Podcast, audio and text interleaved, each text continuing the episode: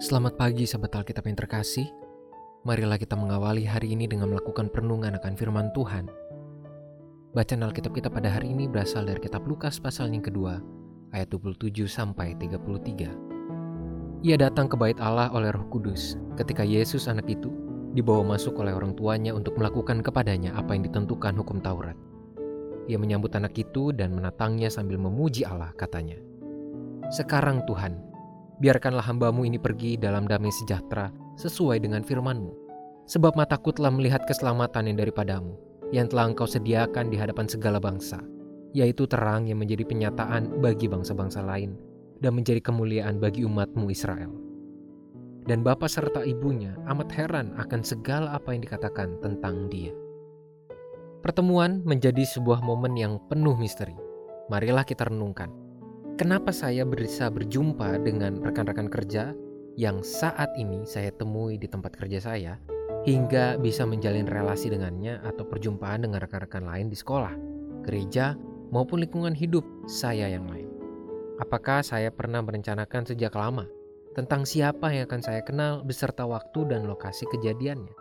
Nampaknya tidak ada seorang manusia pun yang mampu mengatur, apalagi secara pasti seluruh pertemuan yang terjadi dalam kehidupannya. Kita pun perlu menyadari bahwa setiap pertemuan dengan orang-orang yang kita alami hingga saat ini selalu memberikan dampak, entah sedikit atau banyak, entah buruk atau baik, pada diri kita sendiri. Bahkan pertemuan yang kita anggap terlalu remeh. Pertemuan yang terjadi antara Simeon dengan Yesus pun menjadi contoh sebuah misteri momen yang mengubahkan.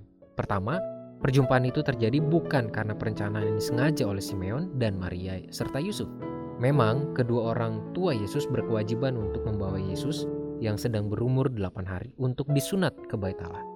Namun tidak ada intensi khusus untuk mempertemukan Yesus dengan Simeon. Semuanya terjadi hanya karena bimbingan Roh Kudus yang mengarahkan Simeon, Maria, dan Yusuf.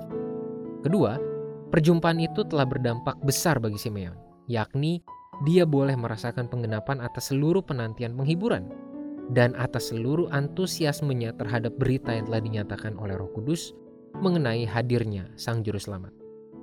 Itulah mengapa Simeon memberikan puji-pujian kepada Allah sembari menyambut Yesus di bait Allah.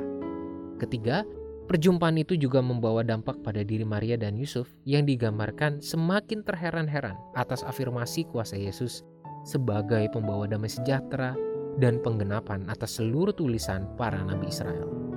Sahabat Alkitab, Firman Tuhan pada hari ini hendaknya membangkitkan kesadaran pada diri kita untuk menghargai setiap perjumpaan yang kita alami dalam sepanjang kehidupan ini.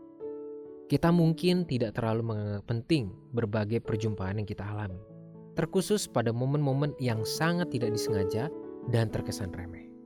Padahal, jika kita berusaha untuk memikirkan, merenungkan, dan memaknai perjumpaan itu, maka akan semakin besar peluang kita untuk mendapatkan pelajaran-pelajaran berharga yang dapat membantu kita untuk semakin bertumbuh.